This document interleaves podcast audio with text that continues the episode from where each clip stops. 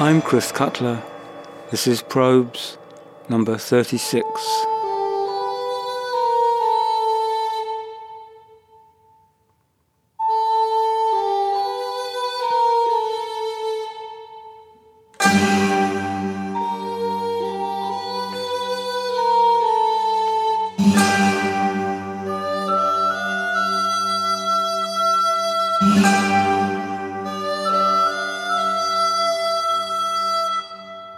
The Ondioline was relatively small, deliberately cheap, and simple to operate. Created in 1938 by George Jenny and launched in 1940, it was a compact device designed to sit next to a piano and provide the pianist's right hand with plausible imitations of other instruments. Pianists, dance bands, light orchestras, and cabaret artists quickly took it up and it remained in common use throughout the 1940s and 50s. Here's Jenny himself illustrating its mimicking abilities.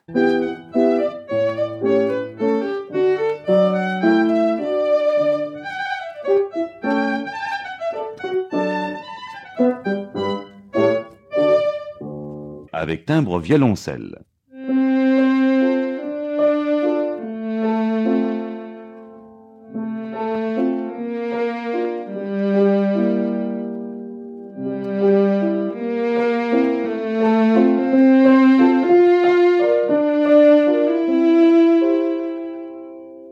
Saxophone.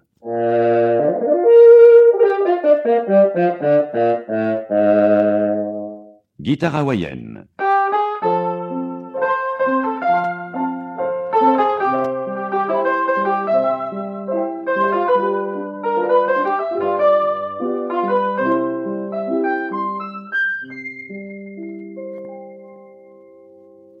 Basson.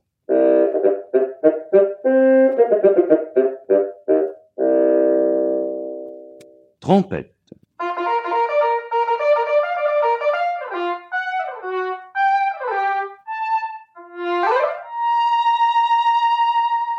Hautbois.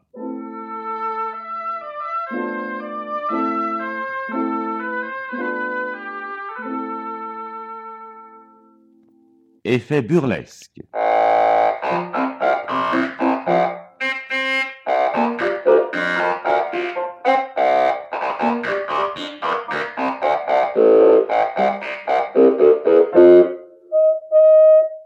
Orgue de cinéma.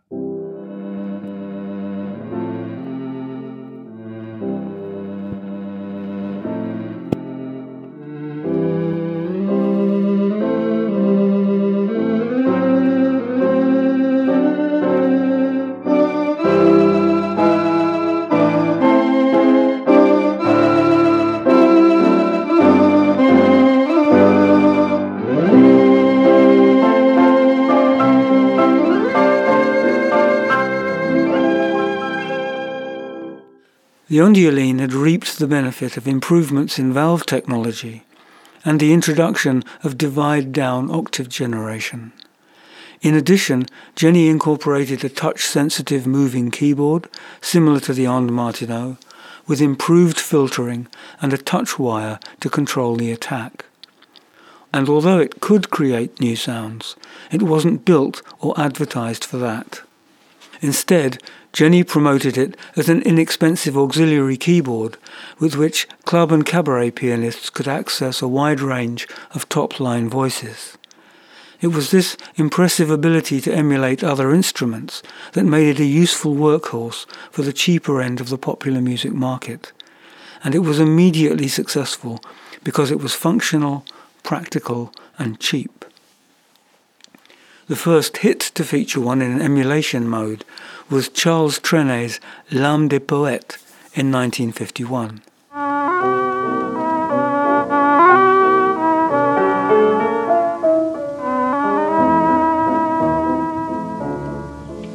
Longtemps, longtemps, longtemps, après que les poètes ont disparu,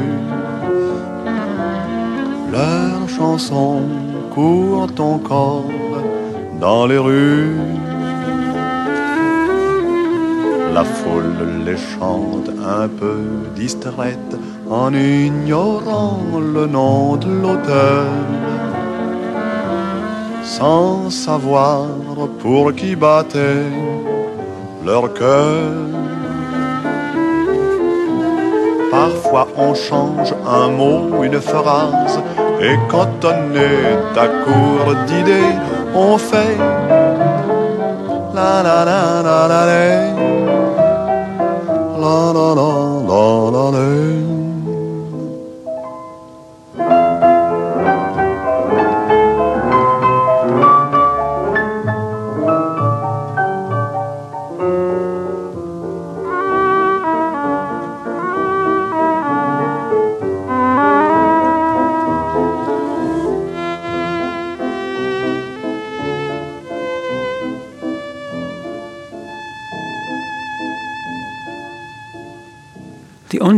ondiolinist on this record was Jean-Jacques Perrey, who quickly became the public face of the ondioline, touring Europe to demonstrate its qualities. But in private, he was already teasing out some of its more hidden talents, and in 1958 he released on his own label what can fairly be described as the world's first ambient electronic recording, many years before that concept came into being made only with the ondioline and called Prelude au Sommeil, Perrey intended it for use in mental asylums for the induction of sleep, a project curiously similar in its elision of electronics and therapeutics to Raymond Scott's also wholly electronic Soothing Sounds for Baby, which came out five years later. Here's a snatch of Perrey's, I have to say, prescient Prelude to Sleep from 1958.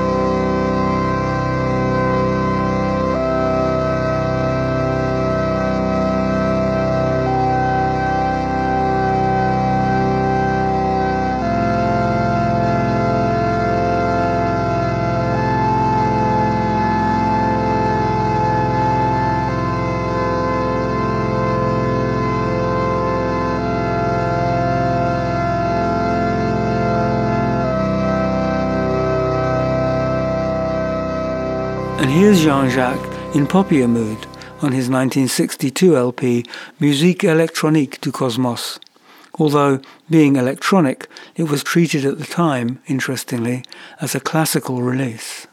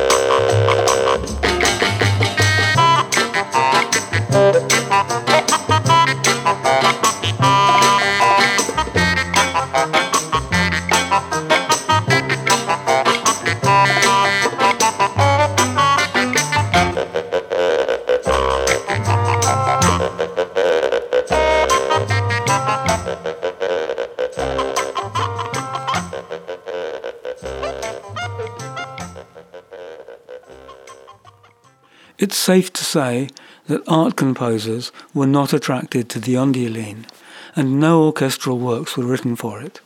Although for the Brussels World Fair in 1958, several solo works were commissioned for the French Pavilion, showcasing both the Ondioline and the Cristal Baschet.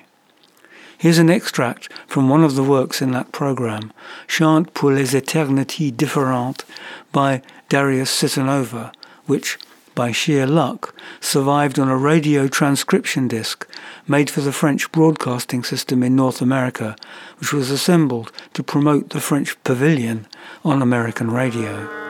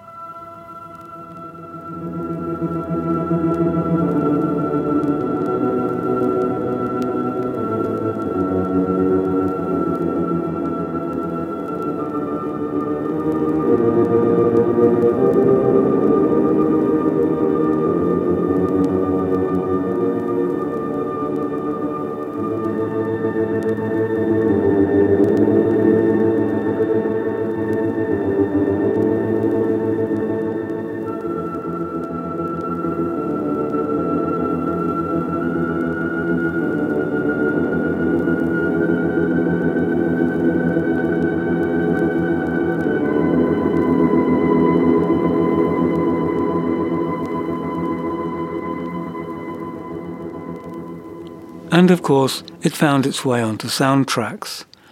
Alex North was the first to use one in his score for Spartacus. But more up front is this short snatch from Dave Grusin's score for The Heart is a Lonely Hunter, made in 1968.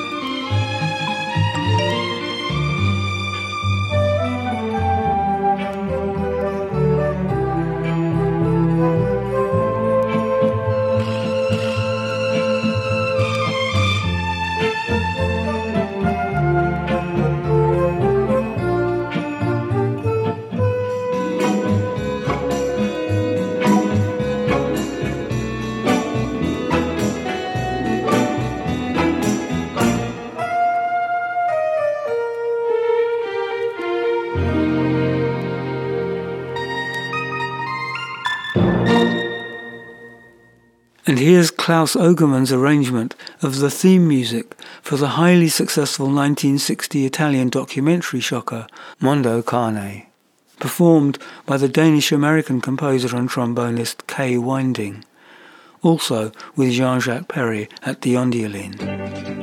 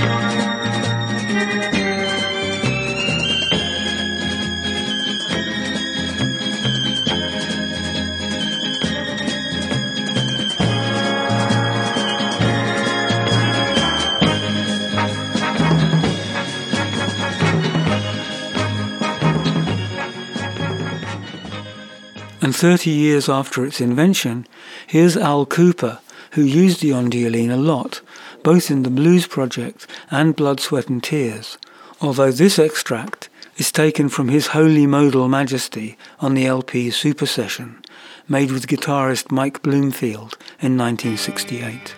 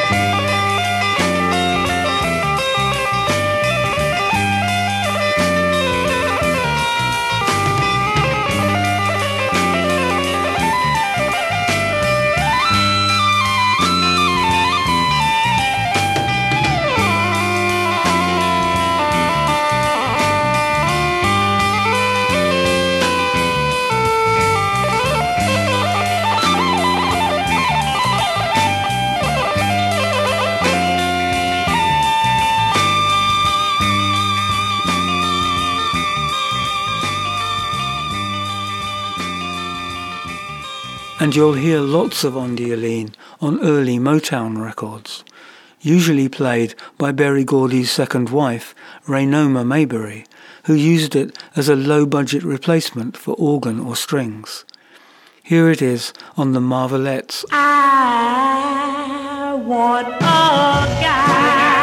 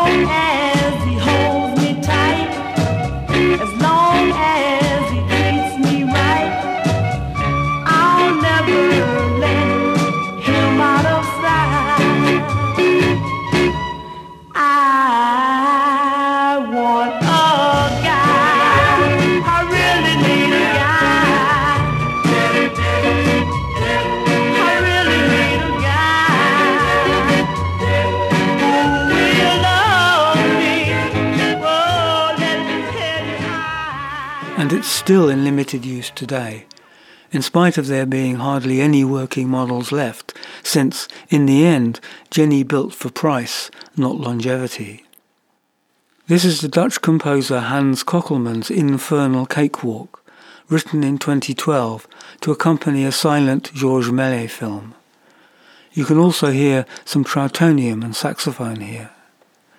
It's interesting to think that this would have been technically feasible to record in 1938, even if aesthetically unthinkable.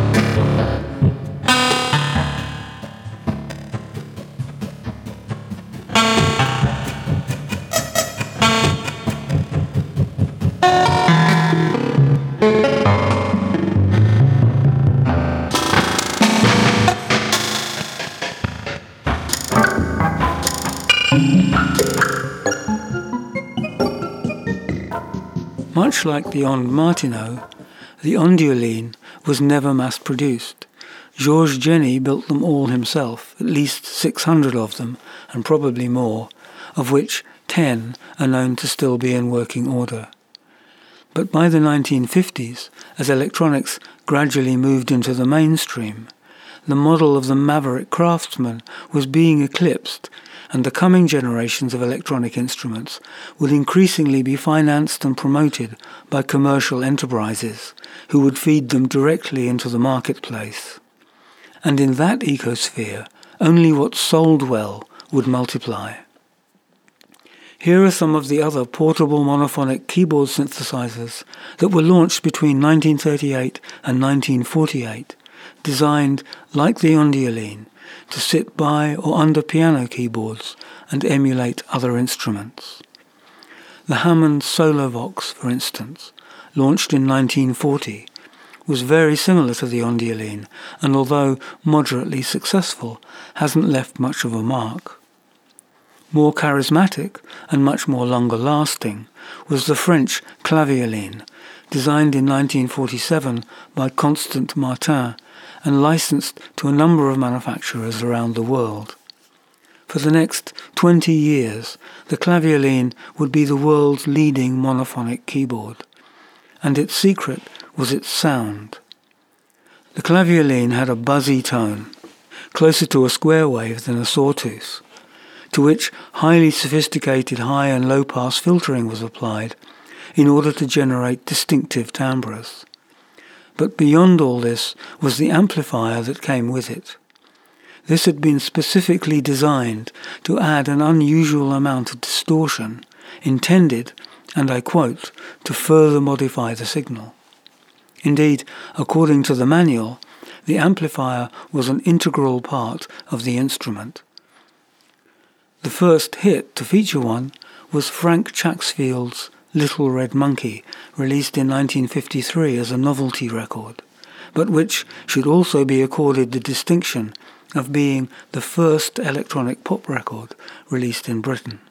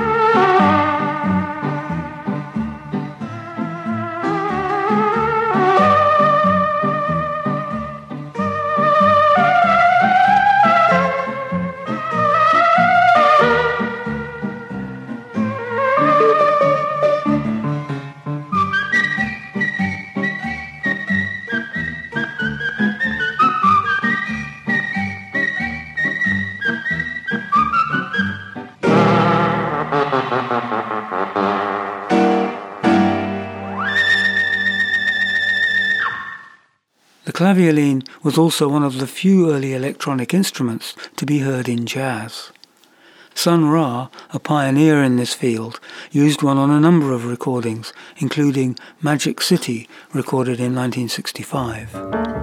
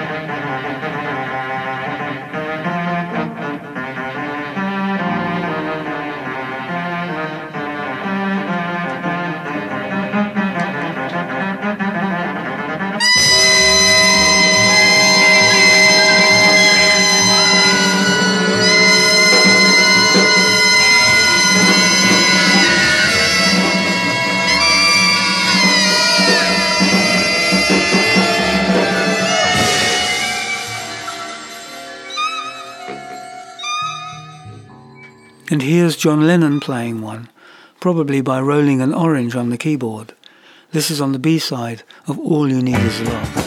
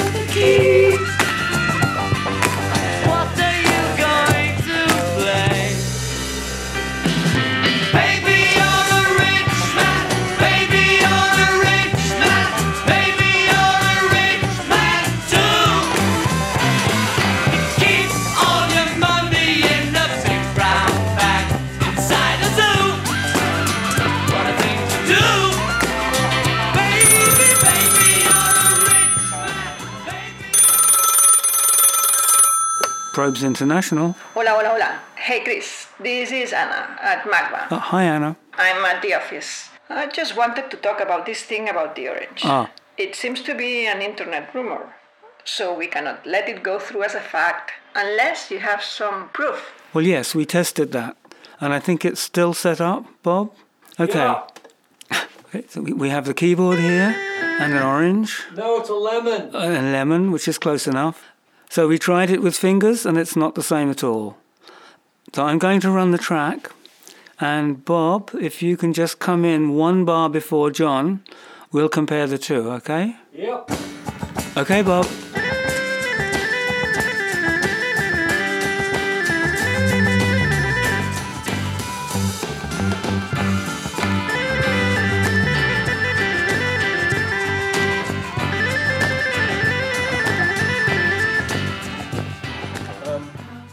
Okay, well, that seems to settle it. Thanks.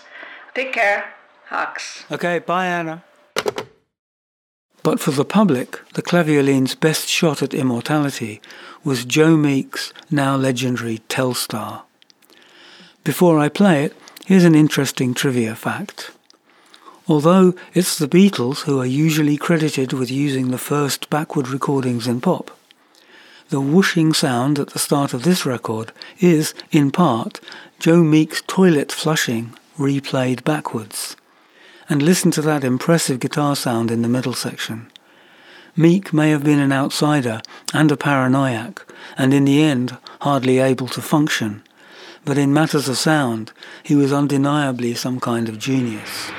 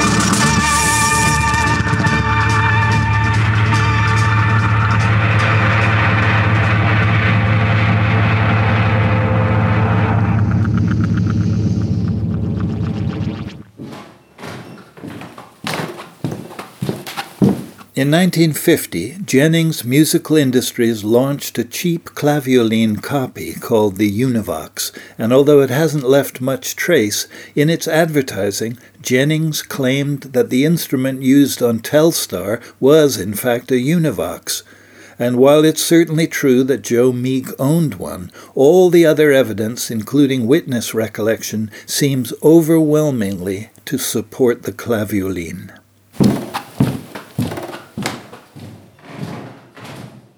And speaking of runaway hits, let's not forget the Musitron, immortalized in 1961 by Max Crook on Del Shannon's Runaway, a song Crook co-wrote and on which he takes this substantial instrumental break.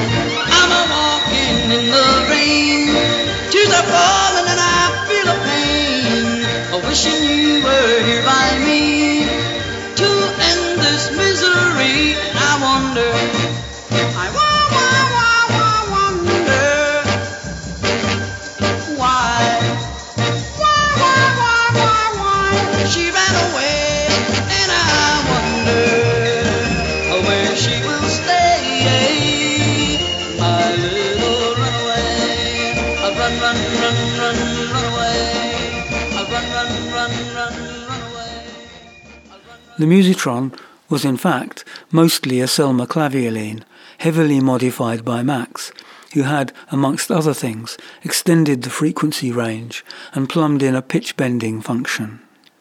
Max made his career with this instrument and was still playing it at the end of his life in 2020. And lastly, I should mention the Tutivox, a rare polyphonic version of the clavioline, designed in 1946 by the pioneering German engineer Harald Bode. His was another prescient modification, and one that arguably set the pattern for the many varieties of combo organ that would proliferate in the following decades. Preserved on a promotional tape made by the Danish manufacturer Jurgensen Electronics, here are two short examples of the Jurgensen Clavioline Ensemble, which is the closest we can come to hearing what a Tutivox could do.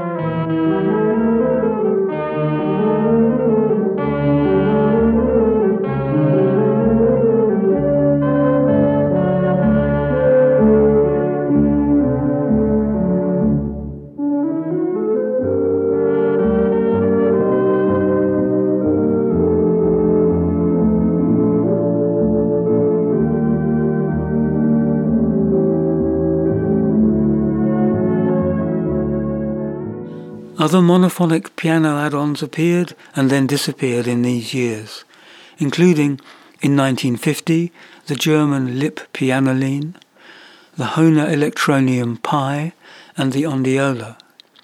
Then in 1952, Jennings Industries launched the Maestrovox. All of them did useful, if unremarkable work in theatres, cinemas, clubs, cabaret, and dance bands, leaving little permanent trace of their passing. Although I'm happy to bring you at least one small strand of immortality for each of them. First, the Ondiola, which was an Italian modification of the clavioline.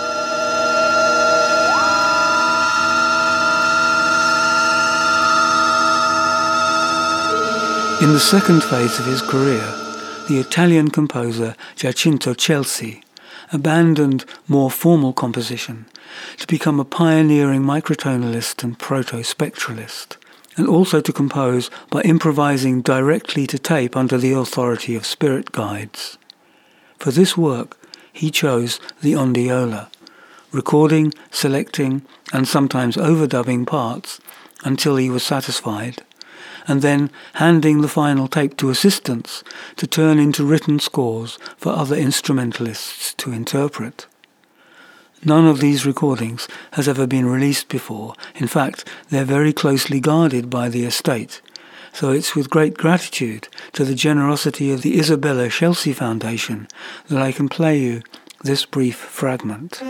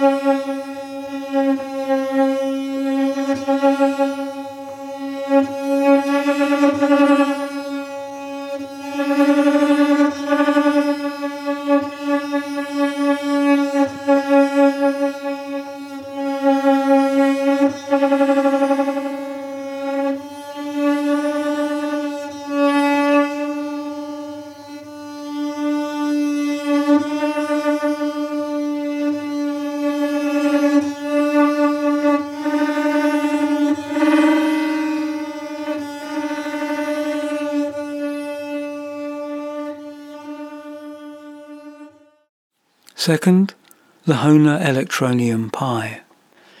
This was one of the very few early electronic instruments that art composers did sometimes choose to work with.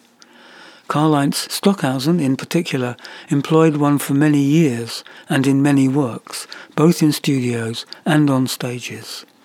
Here's a short extract from Spiral, written in 1968, a deceptively demanding score for a single performer, a shortwave radio, and any instrument. The soloist here is a Stockhausen stalwart, Harald Bojé, and the instrument is the Electronium Pi.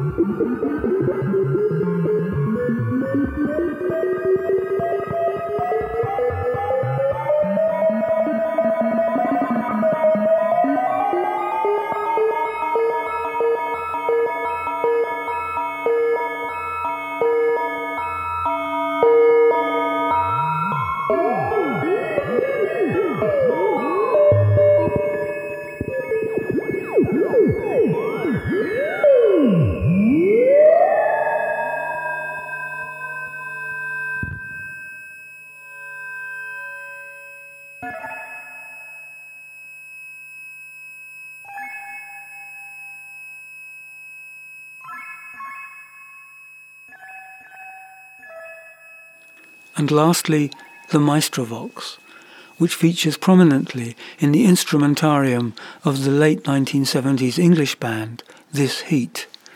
There are three brief extracts here from 24 track loop, Triumph, and Test Card, all played by their drummer and singer Charles Hayward.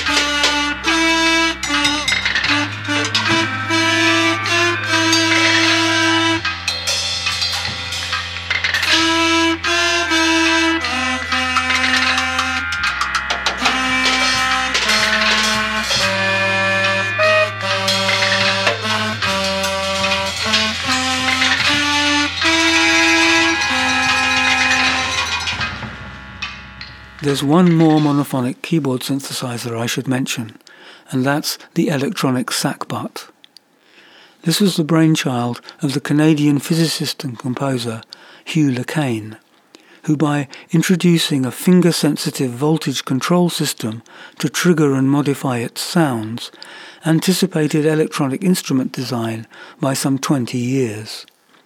His first model was completed in 1945, and he constantly updated it thereafter. And although it was never commercially manufactured, it undoubtedly influenced the design of future synthesizers and control systems, and also played a vital part, alongside many of Le Caine's other musical inventions, in the establishment of the McGill Electronic Music Studio in 1964. Le Caine's is a long story, and we'll hear more of it later, but for now, here's an extract from Sackbut Blues, made for a demonstration tape in 1953.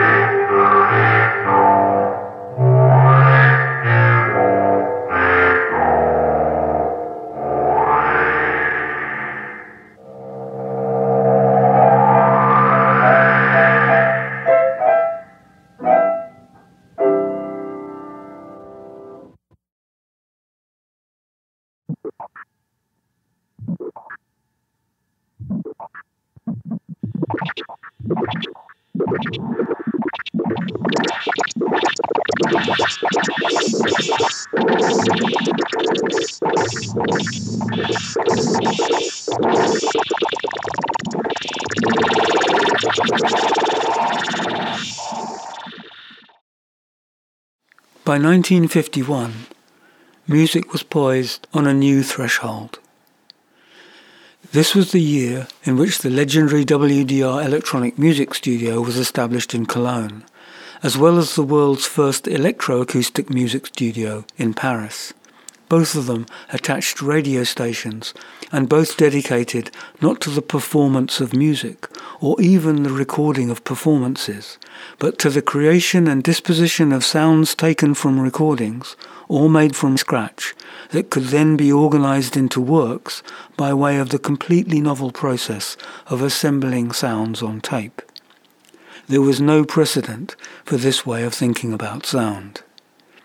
In the same year, and on the same ground, the first piece of punch tape controlled digital computer music was publicly aired in Australia, programmed by Geoff Hill and Trevor Pearcey, not, it must be said, from any musical motivation, but as a demonstration of their new CSIR Mark I computer. At the same time, in Manchester, Christopher Strachey was piecing together the first recording of computer music. Neither result was especially inspiring, but both represent critical opening steps on the long road to computer composition. Here's what the British team at Manchester University programmed their computer to produce.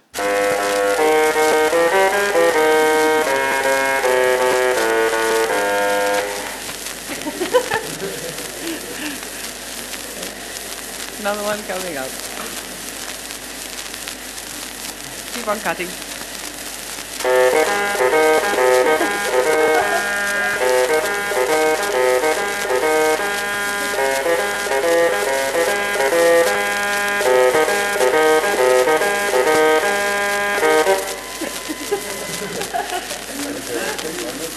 Machine's obviously not in the mood.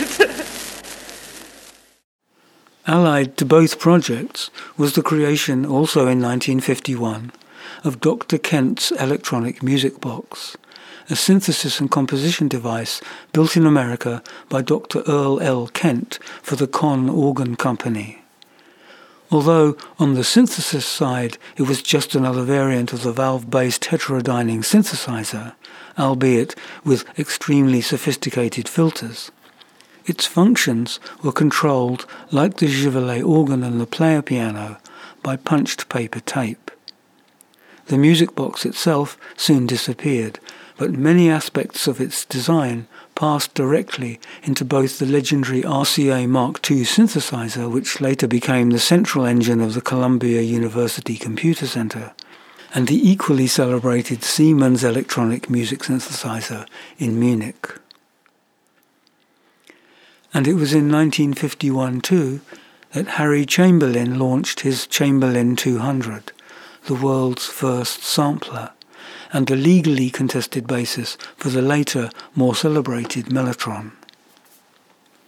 The Chamberlin was also the first instrument to generate no sound at all, each key merely engaging a pre-recorded tape of the instrument to be voiced, which could be sustained for as long as the key was depressed or until the tape ran out to a maximum of 8 seconds.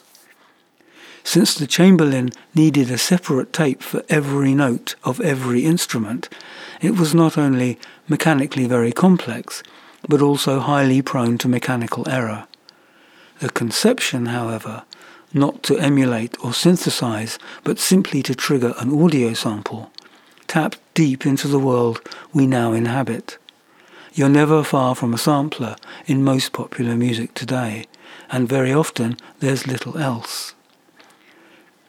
So, by 1951, I think we can say a corner had been turned. Electronic instrument design had ceased to be the prerogative of charismatic individuals and was now firmly integrated into routine music industry business. At the same time, electronic instruments were no longer exotic outliers, but moved easily into mainstream musical discourse and both valve-driven and tone-wheel electronic keyboards had found secure commercial niches, with more and more music being written for them, nearly all of it pop music. The valve itself, around which everything to date had been conceived, was starting to give way to the transistor, the new miniaturized technology that would revolutionize electronic design. And in the domain of aesthetics, thanks in great part to the ubiquitous and acousmatic medium of sound recording, timbre had moved to the top of the popular as well as the art-based musical mind, to the extent that sound now matters as much as, if not more than, pitch or structure. Or perhaps it would be more accurate to say that the two had become indistinguishable.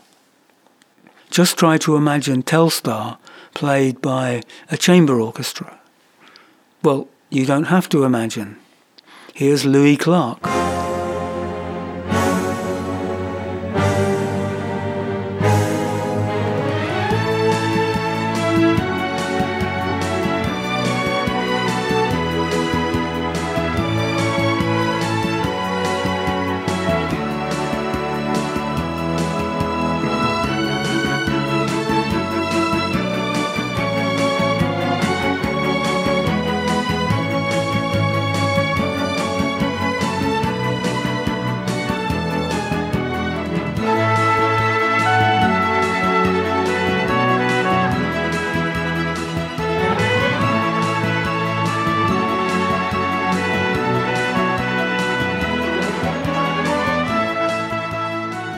It's clear, I think, that it's not the melody that makes the original great. It's the sound, and also the fact that you can no longer distinguish between the two. So, I'm going to pause the pursuit of new instruments at 1951 and go back so that we can arrive here again by another route, because in parallel to the path we've followed so far, electricity has also been at work in myriad other converging and diverging streams, all of them inextricably interconnected. So in the next episode, we'll begin to backtrack and unravel some of the other threads in the labyrinthine story of.